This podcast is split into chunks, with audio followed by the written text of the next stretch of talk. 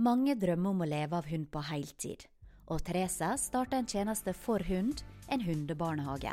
Eh, Eiere bruker mer og mer penger på dyrene sine, men eh, også at de forstår hva behovet til hunden er. At det her å ligge så lenge alene og ikke få være sosial, det gjør noe med hunden. Mens AVD tjenestehunder har spesialisert seg på oppgaver som er nyttige for oss mennesker. Det er lagt ut eh, en liten appull med veggdyr, og så skal hun da lokalisere hvor hen dette er. Men hva er det marked for, og hva er gjennomførbart?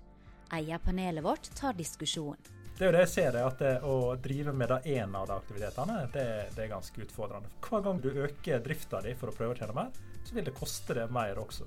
Nyttårsaften nærmer seg, og veterinæren har både noen gode råd og noen alvorsord på lur. Jeg må få presisere at det er veldig viktig at man ikke forlater hunden sin i en situasjon hvor hun er utrygg, altså i forbindelse med rakettene. Da har man faktisk en plikt å være sammen med dyret sitt og skape ro og trygghet. Du hører på eh, Silje og Elise, og dette her det er lyden av en splitter ny sesong av Hundorama. I sesong to så skal vi ta opp mange forskjellige temaer, som bl.a. aktiviteter, stress og kommunikasjon. Og vi har også vært på utstilling for å se hva som foregår der. Ja, og I tillegg så skal vi snakke om eh, hvordan man kan legge til rette for et eh, godt forhold mellom hund og barn, og mye, mye mer. Her i Hundorama så får du tips fra eksperter, men også fra helt vanlige hundeeiere som det og meg. Og vi er her eh, rett og slett for at du skal lære litt mer om din beste venn, og vi vil gjøre så godt vi kan for å inspirere deg til å bli en enda bedre hundeeier. Og for dere som hører på oss for første gang, så har vi lyst til å fortelle litt om oss sjøl. Jeg heter eh, Elise, og jeg er en eh, hundenerd. Jeg har en eh, welsh springer spaniel på tre år som heter Henry. Han har gitt meg mange utfordringer i sitt korte liv, men jeg har også lært ufattelig masse av han. Vi driver med nosework og litt blodspor, og så går vi en del i fjellet. Og selv om han er en skikkelig særing, så syns jo jeg så klart at Henry er verdens aller beste hund. Så klart. Og jeg heter Silje, og jeg ser på meg sjøl som en gjennomsnittlig hundeeier. Jeg har en vippet som er fem år, og den heter Molly. Og vi to vi går egentlig mest uh, tur, mye i fjellet. Og jeg vet om mange hemmelige stier der jeg lar hun uh, gå løs, rett og slett. Og så ser vi på TV sammen og koser oss inne, for slik er vippeten. Den er glad i å ligge i dyna og ha det godt og varmt.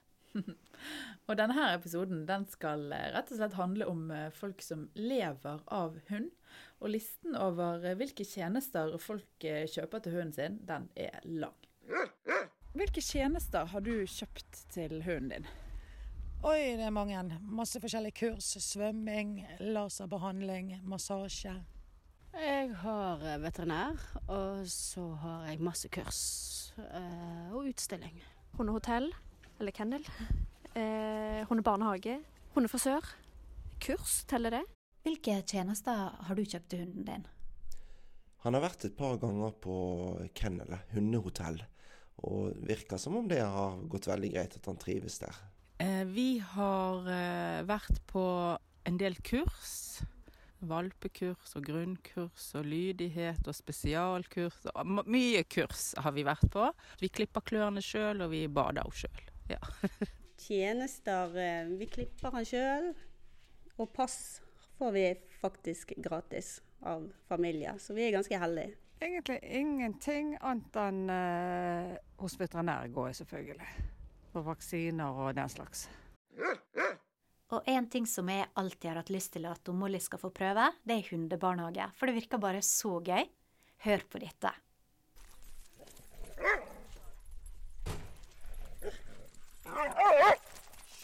Det der det er lyden av elleve ivrige hunder som akkurat har kommet ut av bilen.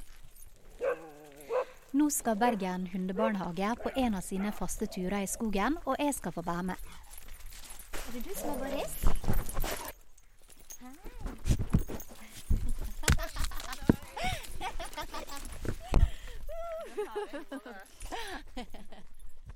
Mandag, det er Det er så mye energi. Ekstra gira? helt vilt. Det er akkurat som jeg ladet hele helgen. På mandag er det full pott på energien her.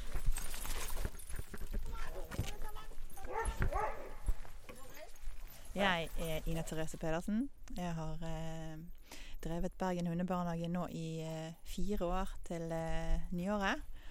Eh, jeg har eh, bakgrunn som eh, fysioterapeut for smådyr. Jeg er utdannet veterinærsykepleier. Og så har jeg en eh, instruktørutdanning utenom det. Hvordan ser en vanlig arbeidsdag ut for deg? Da begynner vi med å hente og plukke opp alle hundene på eh, to forskjellige møtesteder. Så eh, tar vi de da fra bilen og direkte på tur. Så går vi på tur eh, frem til eh, rundt lunsj, toalettiden. Da er vi inne i lokalene våre. Og så, når vi har vært der noen timer, så eh, kjører vi de ut igjen til de samme møtestedene og leverer de. Hvor er det vi skal? Nå skal vi gå rett opp i skogen, så, så eh, får de kose kost seg på, eh, på ulendt terreng med en gang. Kjempedeilig. Rett opp her. Kom an, gutter. Denne vei. Har vi elleve? Ja. Vi har to foran. Syv, åtte, ni, ti. Det er jo så store forskjeller på størrelse, det er så mange forskjellige raser her. Hvordan får du alle disse her til å være venner? Det er ikke så vanskelig, fordi at eh, når du setter sammen en gruppe hunder, så er det naturlig for de å, å være sosial i den forstand at de vet hvem som bestemmer. Altså Du har jo gått ut som en klar leder når du tar de i bånd, du går tur med de, du gir de godbiter. De vet liksom at OK, her har hun kontroll, og da trenger ikke vi å styre noe mer med det. Så det er ingen av de som har noe behov for å klatre på noen rangstige her. Og da leker de veldig sosialt og fint sammen, alle sammen. Spiller ingen rolle størrelse. Og her er første stopp. Her er første stopp. Nå skal vi ha søk. Søk er jo en eh, veldig eh, fin lek for hunder, for det gir de naturlig stimulans i forhold til nesen. Og da jobber de kjempemye med hodet, så de kan bli veldig trøtt bare av å stå på denne flekken her og søke etter godbiter. Jeg ser jo på dem at de forventer at noe skal skje. Mm. De er veldig klar over det. De har rutiner. Vi går eh, de og de turene, så vet de hvor vi skal stoppe og søke. De vet hvor vi skal stoppe og ta bilde. De vet hvor vi gjerne må komme bare på innkalling fordi at vi skal samles og vente, og så gå videre. De har, eh, de har det under kontroll.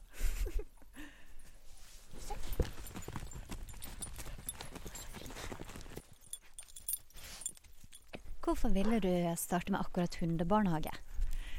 Eh, jeg sto og jobbet på klinikk i eh, elleve år, og da var det veldig mange kunder som faktisk etterspurte akkurat en slik ordning for hunden sin i hverdagen. Og, eh, og da tenkte jeg at eh, det eh, går an å gjøre noe med.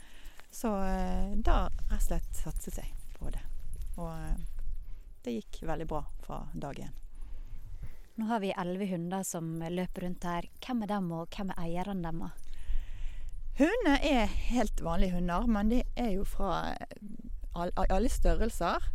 Er, her i dag er vi fra Da har de ett år til tolv år aldersspredning her. Um, eierne helt vanlige mennesker som liker å uh, vite at hunden har fått en uh, aktiv hverdag. Ja, sosialisert hverdag. Sånn at uh, hundene slipper å ligge hjemme alle disse arbeidstimene som vi er vekke. Og det ser vi at eh, eiere bruker mer og mer penger på dyrene sine, men eh, også at de forstår hva behovet til hunden er. At det her å ligge så lenge alene og ikke få være sosial, det, det, det gjør noe med hunden. Det, det er mye bedre at de får være ute og være hund. Er det slik at eh, eierne sjøl velger hva dager hundene skal komme? Nei, Vi har eh, månedsabonnement, så det blir satt til faste dager. og Da velger de ut ifra hvilken pakke de vil ha, om de vil ha én dag i uken, to eller tre. Og Da er det faste dager i uken, ettersom hvilken pakke de velger av eh, antall dager. Hva er det det koster? Et eh, månedsabonnement eh, begynner på 2490. Da er det én gang i uken i måneden. Kom, alle sammen! Ta bilde! Nå skal vi prøve å sette eh, de opp her oppe og ta et eh, gruppebilde. Det gjør vi hver dag. Kom an. Opp, Milo. Ta bilde. Sitt. Sitt. Å, du er god. Bra. Bella, skal du være bak? Det er ingen som ser deg. Kom Kom. Ja. De, er, de har litt sånn eh, Det er litt sånn accessories dogs som vi kan bare putte på slutten. der, der, vi, der vi ser det er en åpning. Det vet de, så det syns de er greit. Skal du sitte der? Kom. Da har vi elleve hunder på rad. Og det vet de at bli betyr at de må være der til jeg har tatt bilde er fornøyd med det. Og dette er også en øvelse. Sitt, bli, vent. Sant? Tålmodighet. Og så vet de at de får noe godt etterpå. Og bildet det sender du til eierne? Bildet legger vi ut på eh, sosiale medier, så eierne går inn hver eh, ettermiddag og ser og syns det er kjempekoselig. Får med seg hva de har gjort på dagen. Da du starta opp med dette, her, hva var det som var den største utfordringa da? Det var faktisk å finne lokaler. Fordi jeg startet opp eh, i januar, og eh, da var vi faktisk uten lokaler frem til eh, vårparten. Så jeg fant lokaler i, i april, og så var de ferdig rundt i begynnelsen av juni. Så da var det faktisk veldig mye utendørsaktivitet de månedene. Men å finne et egnet sted som var greit å kunne ha hund, som samtidig som du skal ha plass, så skulle det være litt sentralt. Det var faktisk det største problemet. Og hvor lang tid tok det før du kunne leve av det, da? Det gikk veldig fort her. Nå får du en liten suss her. Ja. Uh, heldigvis, og uh, over all forventning etter faktisk første måneden. Så uh, jeg hadde kunder egentlig før jeg startet. Så det var jo en trygghet og en veldig grei ting. Men meg alene kunne leve av det fra, fra start. Hvordan er det for deg da å ha en slik jobb? Det er jo veldig veldig fantastisk å kunne stå på morgenen og gå ut og gjøre det du liker så godt. Være med hunder, og ikke minst den friheten. Sant? Og også få være ute og bestemme. Legge opp dagen litt selv etter hvilken gruppe hunder du har, og, og hvor du skal gå tur. Eh, nei, det er, det er, veldig fantastisk. Det er, en, det er en stor forandring fra å gå til en A4, 8-4-jobb eh, hver dag. Har du noen råd til andre som har lyst til å leve av hundene sine? Ja, jeg syns at de skal eh, ikke tenke for mye, men uh, gjøre det. Fordi hundene trenger det. Hundene trenger flere som uh, lager sånne arbeidsplasser at det, det gagner hundene. Og når vi spiller inn det her, så er jula rett rundt hjørnet. Og Elisa, du har fått en overraskelse i postkassa di, du. ja, eller egentlig så er ikke det jeg som har fått den. For det har seg sånn at Henry han har sin egen Instagram-konto. Han heter for øvrig Henry the Welsh, hvis noen har lyst til å følge han der. Eh, men denne Instagram-kontoen den har jo etter hvert blitt en ganske sær hobby for min del. Og jeg er faktisk eh, slett ikke alene. Det er kjempemange folk som har kontoer på sosiale medier til hundene sine, og noen tar dette her til helt nye høyder. For Henry han har rett og slett mottatt masse julekort fra hundevennene sine på Instagram. Altså andre hunder som har sin eh, konto. Så jeg syns jo dette her er kjempegøy, og vi har nå fått kort fra Finland, Danmark og Frankrike. Og jeg måtte faktisk eh, merke postkassen vår med hunden Henry, sånn at brevene skulle, skulle nå fram. Dere er rett og slett fans? Ja, rett og slett. Eh, men jeg syns jo òg at det er helt på sin plass at Henry er høflig og sender julekort tilbake til de vi har fått av. og så får vi se om vi kjører i gang litt mer offensivt neste år. For noen av de kortene vi har fått, de er jo så gjennomført. Altså, folk har lagt så mye omtanke og planlegging ned i disse julekortene og hatt skikkelig fotoshoots med hundene i forkant av, av dette her. Så jeg tror vi må steppe it up a notch eh, neste år. Jeg bare elsker disse kortene. De er skikkelig fine. Vi skal legge dem ut i sosiale medier, så dere kan få se dem. Men vi er nødt tilbake til det som er temaet til episoden, nemlig folk som har gjort hund til levebrødet sitt. Ja, og jeg har eh, faktisk besøkt noen som bruker hunder som et verktøy i jobben. Ah, dyktig. Kom igjen. Ja, det var gutten sin. Ja, det var gutten. Han passer på han. Jeg har uh, kjørt uh, til Radøy, Manger, uh, som er ca. en time utenfor Bergen. Og her skal jeg besøke AVD tjenestehund, for her har de sine treningslokaler. Og Raymond Njøtten, du er operativ leder i AVD tjenestehund. Hei på deg. Hei sann, velkommen til oss. Fortell meg, hva er AVD tjenestehund for noe? Nei, Det var et godt spørsmål. Vi er jo et lite firma da, som i utgangspunktet har veldig interesse for hund. Uh, så vi valgte å starte opp et firma som da driver med tjenestehunder. Så da begynte vi først med to kadaverhunder. Så vi uh, hadde egentlig brukt redning. Men så vi da valgte å spore over på dette. Fikk de godkjent på kadaver. Og begynte da å jobbe egentlig mot forsikringsselskapet i første omgang. da. Og Når du sier kadaverhunder, hva mener du med det? Eh, Kadaverhunder er jo i utgangspunktet hunder som klarer å påvise eh, rotter og mus som ligger i vegger, da, eh, døde.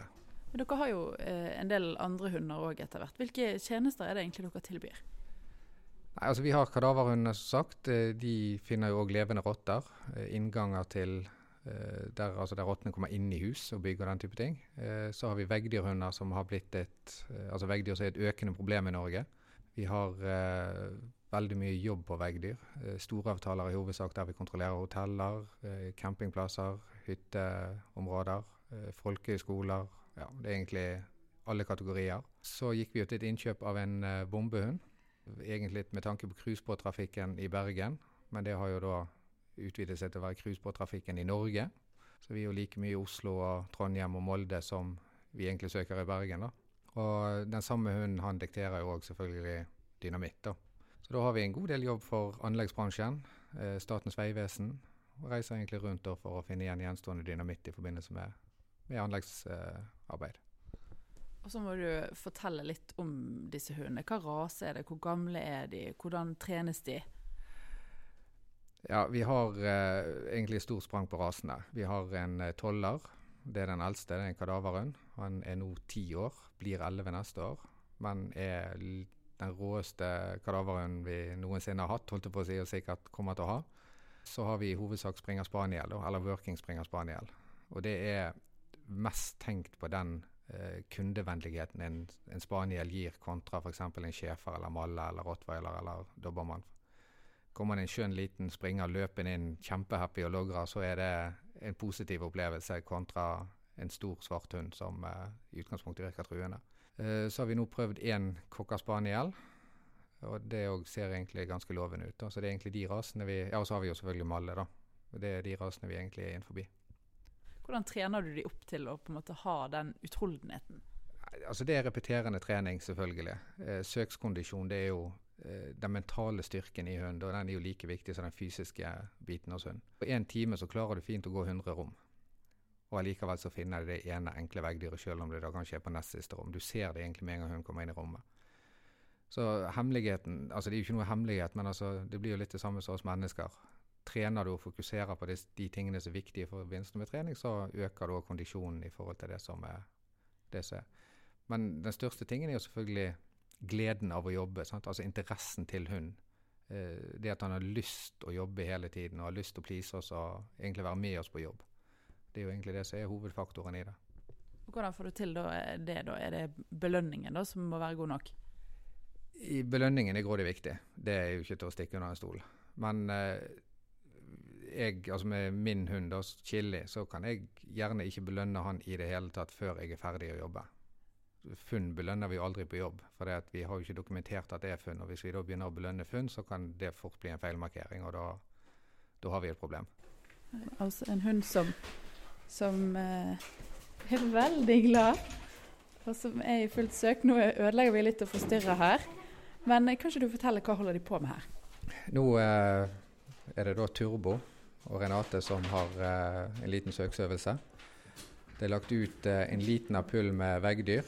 Det er vel tre veggdyr i den, eh, tre levende veggdyr. Og så skal hun da lokalisere hvor hen dette er. For å beskrive rommet, da, så er det vel en eh, sånn ca. 45 kvadrat her. Det er sofa, det er stoler, kommoder, masse grønne søkskasser som vi bruker i forbindelse med søk. Så det er nok gjemmeplasser for å si det sånn, for å gjemme tre veggdyr. Nå har han gjort et funn der borte. da. Og Hvordan markerer han det funnet? Da frysmarkerer han. Da står han helt i ro med nesen på punktet.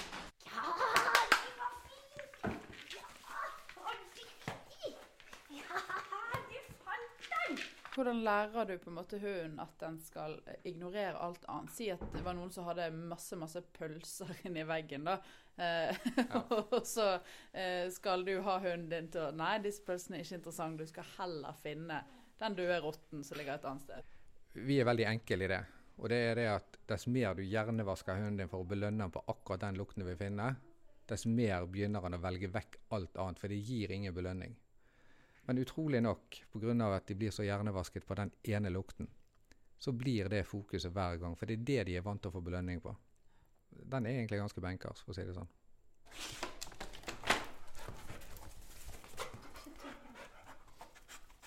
Det går det gøy å høre på når, når nesen går så intenst. Lever dere av det? Både ja og nei. Eh, det kunne jo vært mer. Det er jo ingen tvil om. Eh, men det er jo klart noen av oppdragene er jo for så vidt en grei eh, pris på, som gjør at har du to oppdrag i måneden, så har du faktisk nok til lønn. Eh, men målsetningen vår er jo selvfølgelig det at vi skal ha tre til fire oppdrag i uken.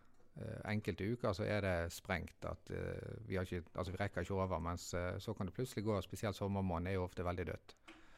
Og hundene, da? Trives de med dette her? Hundene digger det. Det er det gøyeste de vet, for å si det helt enkelt. De, men nå er jo våre hunder litt spesielt, og for våre hunder er jo rene tjenestehunder. Så dette er jo det de lever og ånder for. Sant? Altså, henter vi de på kennel, så er det, da er det rett ut. Og da vet de det, da er det trening eller jobb, og da er det kvalitetstid med, med hundefører.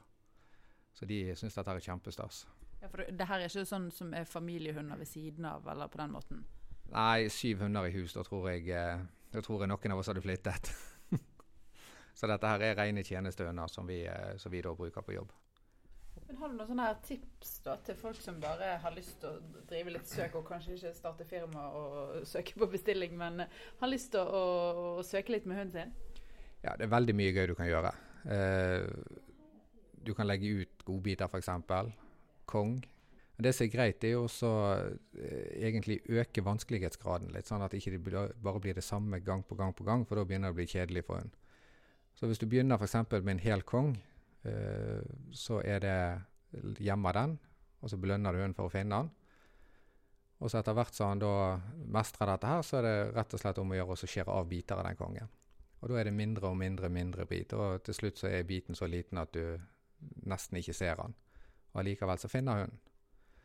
Og det, det, altså En mentalt sliten hund er en utrolig mer behagelig hund enn en fysisk sliten hund. Og en hund som er mentalt sliten, har det veldig mye bedre med seg sjøl etterpå. Så vi kan gå på tur med våre i ja, fire, fem, seks timer. Og vi kommer hjem igjen så de liker gira etter et kvarter. Men etter 300 rom så sover de godt om natten, for å si det sånn.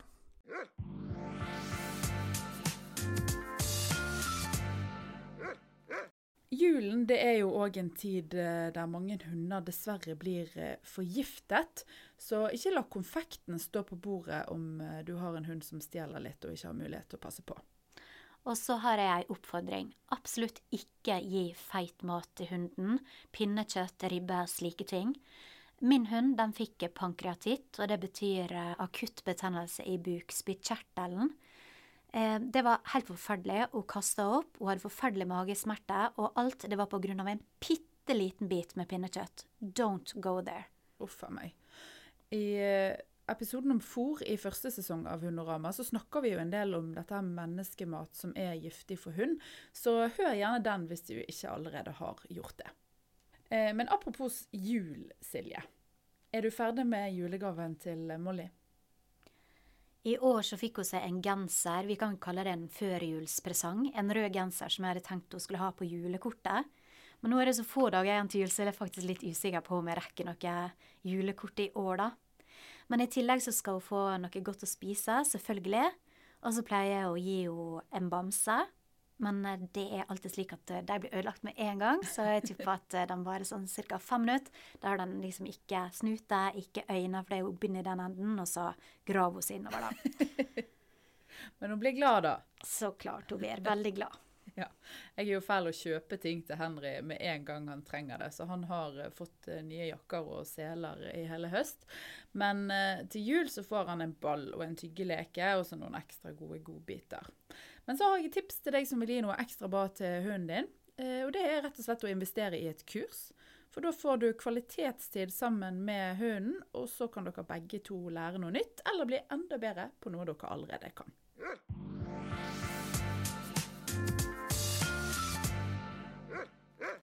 Da har jeg tatt turen til Sandviken dyreklinikk, og det er fordi at nyttårsaften nærmer seg, og det er jo ikke akkurat favorittdagen til alle hunder. Jeg er sammen med veterinær Camilla Meltvik. Tusen takk for at jeg fikk komme. Bare hyggelig. Vi lurer på hvordan kan vi på best mulig måte forberede oss til nyttårsaften? Det er lurt å starte i god tid, eh, sånn at man kan gjerne starte med lydtrening allerede måneder før. Eh, man kan begynne f.eks. å laste ned filer med rakettlyder, og begynne på veldig veldig lav intensitet, og så øke etter hvert som hunden føler seg komfortabel med det. Så er det lurt også å være litt sånn var på hundens signaler, at man følger med på om de virker redd eller bekymret, at de liksom legger litt på ørene. Eh, gjerne Noen kan trekke seg litt bort. Noen vil gjerne søke mer kontakt for å få trygghet. Eh, men aldri forlate dyret. Så alltid være der når du trener. Selv om det for deg bare er en bagatell, så er det en stor ting for hunden. da. Og det med blikkontakt fra eier det er også vist å være veldig sånn beroligende og betryggende hvis man har en god relasjon fra før. For da skiller hunden ut oksytocin, som er et sånn velværehormon. Så det er en lur begynnelse, i hvert fall. Ellers er det jo selve dagen, og da er det lurt å ha øvd litt på kanskje at man eh, lager en litt sånn kosekrok for hunden. At man tar sengen og de kjente, gode, trygge lekene inn på et rom hvor det kanskje ikke er så veldig mye eh, vinduer, sånn at man skjermer de litt fra disse her blinkene også, og ikke bare lydene. Men gjerne f.eks. på badet eller en kjellerstue eller noe sånt. Og gjerne begynne også der litt før, sånn at man lager det trivelig for dem, og at det blir trygt og godt at ikke det er bare den ene dagen de liksom blir kastet inn der, og nå skal du kose deg her. Mm. Men la de bli vant til det. Eh, det kan også være lurt å ha litt sånn bakgrunnsstøy den dagen. At man tar på litt eh, forsiktig musikk, eller altså en radio står og suser litt, eller litt TV i bakgrunnen. Alt ettersom hvor de eh, har blitt innrettet. Eh, sånn at vi på en måte prøver å dempe også lyden fra støyet. Og så selvfølgelig igjen være sammen med dyret. Det er veldig, veldig viktig. Men hvis vi ser at hunden blir redd, skal vi anerkjenne det, eller skal vi liksom late som ingenting? Jeg ville latet som ingenting. Hvis du anerkjenner den redselen, så sier du også til hunden at 'jeg forstår at du er redd', men du sier også at 'her er det kanskje noe farlig', så det er derfor du er redd. Eh, så heller prøve å ignorere det, gjerne gjespe, virke uinteressert på det som skjer, ignorere det fullstendig. Late som dette er det mest naturlige. Ikke liksom 'oi, se den flotte raketten', å, løpe til vinduet. Prøve å unngå sånne ting. Bare vær der for hunden din og vær til stede og vær rolig. Så kan det også være lurt å gjerne Noen hunder er veldig redde, så noen trenger gjerne mer enn bare en kosekrok og, og trygghet fra eier. Så de eierne kan også tenke på f.eks. sånne betryggende feromoner. Eh, det finnes i forskjellige former. Man kan enten ha et halsbånd på hunden som har feromoner som er de samme som hundemoren skiller ut når de ligger og dier, eller man kan ha de stikkontaktene. Og det vil også gjøre at uh, hunden føler en viss trygghet. Noen responderer veldig godt på det, andre er ikke fullt så, så godt, så de trenger gjerne andre ting i tillegg. Da finnes det også fôr som har beroligende ingredienser, som melkesyreproteiner og sånne ting som er med på å redusere stress. Og det finnes også medikamenter for de hundene som er fryktelig redde. Og Da er det lurt å kontakte veterinæren i litt god tid, sånn at ikke man står der samme dagen og har et kjempeproblem. For det er mye vanskeligere å gi beroligende medisiner til en hund som allerede er veldig oppspilt, for da må man gjerne gi mer, og det er vanskeligere å på en måte få en god balanse, da. Det er også egne medisiner som er registrert for lydangst til hunder. Det er jo noen som drar til skogs, andre tar inn på lydtette hotell. Folk gjør veldig forskjellige ting på nyttårsaften. Sjøl har det blitt en sånn dag der jeg alltid vil være sammen med hunden min. Hva pleier du å gjøre? Nå har jeg en valp, da. Eh, sånn at vi har begynt lydtrening. Eh, og vi har eh, lagt opp til å være sammen med hunden hele nyttårsaften. Jeg må få presisere at det er veldig viktig at man ikke forlater hunden sin i en situasjon hvor hunden er utrygg, altså i forbindelse med rakettene. Så man må ikke løpe ut klokken tolv for å se nyttårsrakettene sammen med venner og familie. Da har man faktisk en plikt å være sammen med dyret sitt og skape ro og trygghet for dyret å holde dyret inne. Vi tar aldri med oss hunder ut for å se nyttårsraketter. Det er det ingen hunder som har behov for, eh, og de har heller ingenting der å gjøre. Hvis man skulle være uheldig og hunden blir fryktelig redd, så kan de løpe veldig langt på kort tid. Eh, og det kan være vanskelig å, å finne de igjen hvis de løper i, i angstanfall. I disse situasjoner så er det jo også viktig å presisere at ID-merking av dyr er veldig viktig. Så alle dyr bør være ID-merket, altså hunder og katter. Fordi at man ser dessverre at veldig mange mister hundene sine nettopp på en dag som dette. Du kan gjerne gå på en formiddagstur og tenke at man har ganske god kontroll, eh, og plutselig så er hunden vekk fordi at det var et smell eh, et stykke borte. Så, så, det er veldig viktig å, å tenke på. Ja, også en sånn eh, liten fun fact helt på tampen. Det finnes jo hørselvern for hunder. Det stemmer. Det finnes eh, noen hørselsvern for hunder som man kan kjøpe på nett, eh, som heter eh, Mutt Muffs. Det får være siste ord av dagens reklame. Og da gjenstår det egentlig bare å si godt nyttår når den tid kommer. Riktig godt nyttår. Vi i Hundorama vi elsker å få besøk av engasjerte hundeeiere. Nå skal vi få mange gode råd og tips, og i dag så skal det handle om å leve av hund. Camilla Meltvik, veterinær, du har vært med oss eh, tidligere, men det har skjedd noe siden sist. Fortell. Ja, nå har vi også fått eh, valp i hus. Eh, så eh, vi har fått en livlig liten uh, valp som heter Filippa, som er en ungarsk visla. Verdens søteste, selvfølgelig. Det er en ganske sjelden hunderase i Norge. Hun, har, hun, bobler av energi. Så når kaoset begynte å legge seg litt hjemme hos oss, så skaffet vi oss valp. Så nå kan jeg love deg at nå er kaoset oppe til normale høyder igjen. så bra. Og Vegard Bakken, du er hundeentusiast. Vi husker at du har en Lagotto. Hvordan går det med hunden din? Det går eh, bedre og bedre, skulle jeg si. Hun eh, har begynt å skjønne at, eh, at, det er en viss høgde. Hvis du ruller utenfor det, så får du mer vondt enn hvis det er mindre høyde. Og eh, jeg har funnet ut at det fungerer, fungerer like godt som før, og bare går rett forbi alle andre hunder. Ja. Og Mira Donovan, du er ny her. Vi må bare spørre, hvem er du? Ja, hvem er jeg? Jeg er uh, egentlig bergenser. Jeg bare snakker østlandsk. Og hundedame. Og gått uh, i fjellene her med masse forskjellige hunder i mange, mange år. Akkurat nå så har du bare én hund, men du to. har hatt det to. Ok. En uh, forster. Tispe på åtte år. Og en uh, dachs. Kanindachs, faktisk. Veldig liten, mye lyd. Veldig festlig. Og så går vi jo i gang med diskusjonen her, og det vi lurer på er går det an å leve av hund i Norge i dag? Ja, det vil jeg si. Eh, jeg tenker at der kan man være ganske kreative. Det er jo masse forskjellig man kan gjøre med hund. Alt fra å drive med eventer, hvis man er god på sledekjøring f.eks. Eh, naturopplevelser med hund. Eh, man kan ha hundekurs, valpekurs, hverdagslydighet, sniffekurs der de kan lære seg å lukte seg frem til forskjellige ting. Nå er det jo blitt såpass mye at, uh, du har jo spesialsøk. Mm -hmm. Nå kan de jo søke opp kreft, de kan søke opp rust i rør.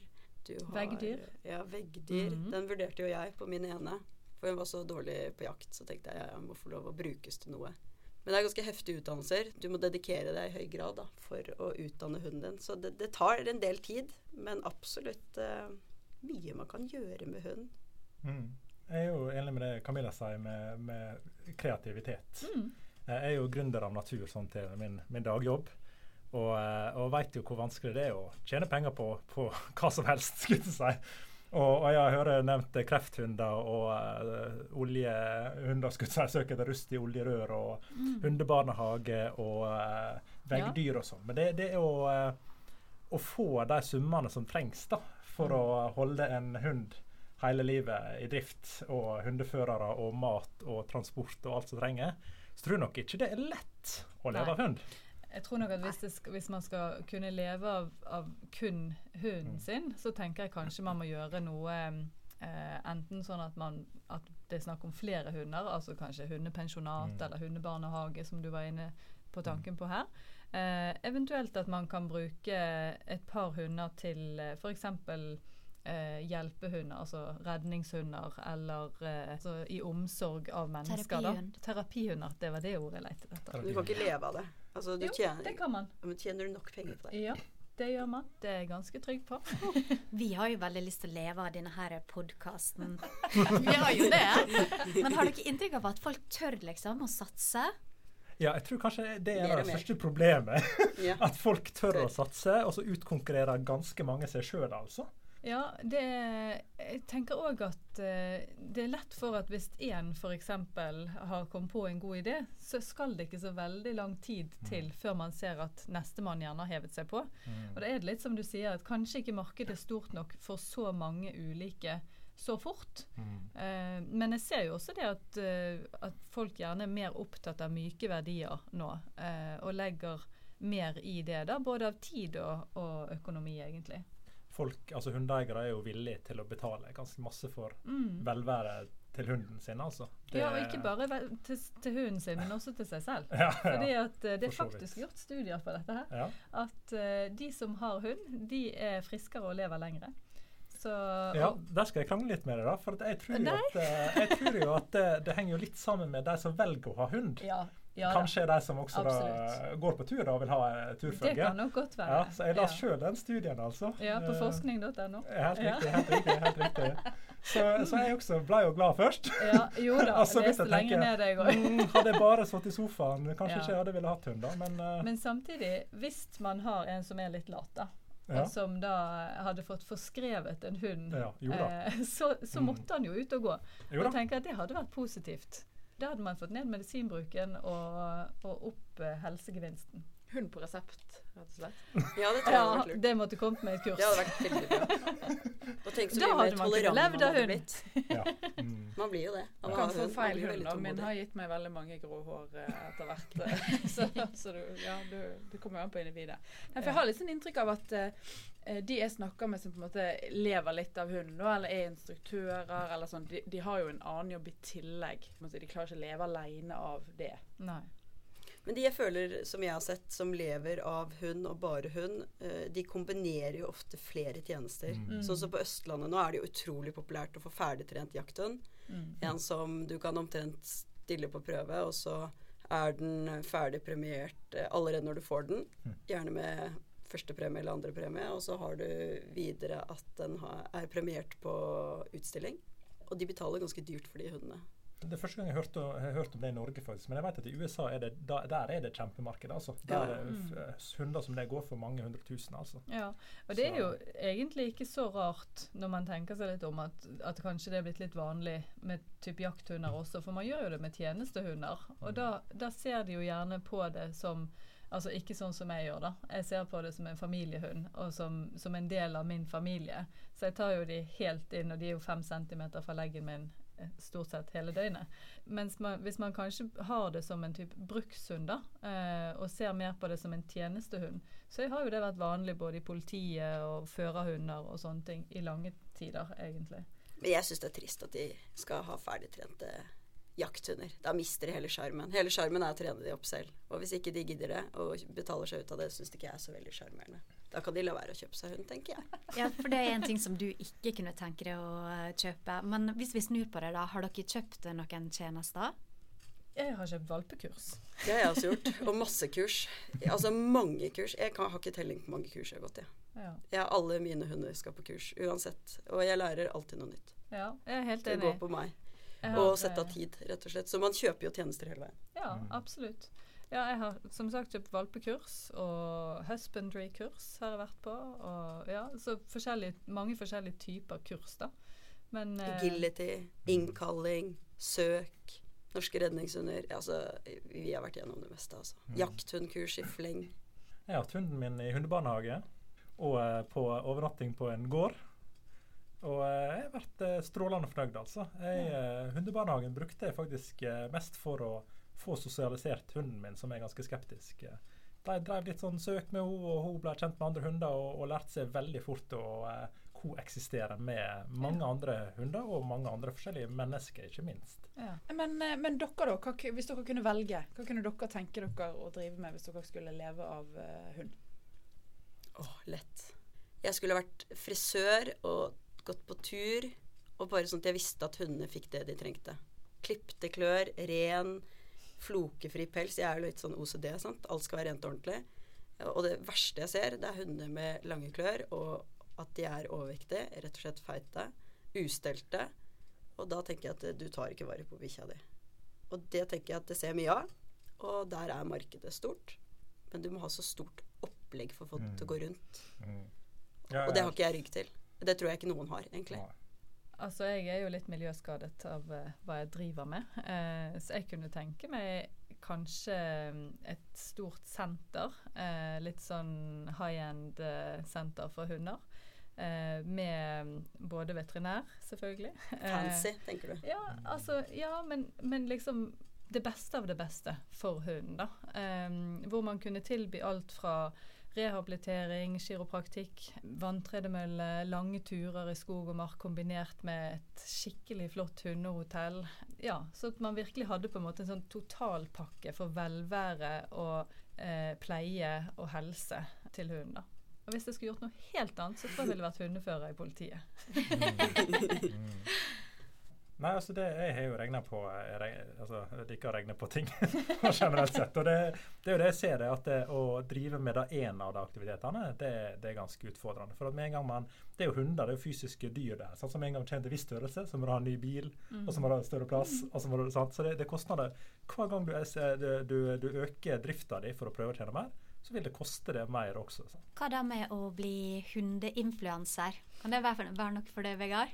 Uh, ja, du, jeg, faktisk, jeg har faktisk uh, til hunden min nå Det har faktisk passert 2000 følgere. Uh, det er ja, bra! Det er faktisk ganske, ganske greit. altså. Hun har jo vært på både Norge Rundt og uh, flere ting. Så hun, er jo, har jo vært litt sånn smått, smått up and coming influencer, den hunden der. Ja, det er ja da, så, så det er jo det som, det som, er der. da, det er at Man fjerner jo hele behovet for å, å ha noe fysisk. Man har jo én hund, sånn, eller flere for all del. altså. Men man kan jo da selge ting til, til hele verden. Så uh, ja, altså hvorfor ikke? Kunne jeg ha levd at hunden min gikk rundt med utstyr jeg syntes var bra å kunne stå for? Det hadde vært fantastisk, det. Hvorfor mm. ikke? tenker jeg. Ja, jeg tenkte, jeg, jeg, Henry har ikke så mange følgere som Ditto ennå. Han passerte 1000 her for noen, for noen uker siden.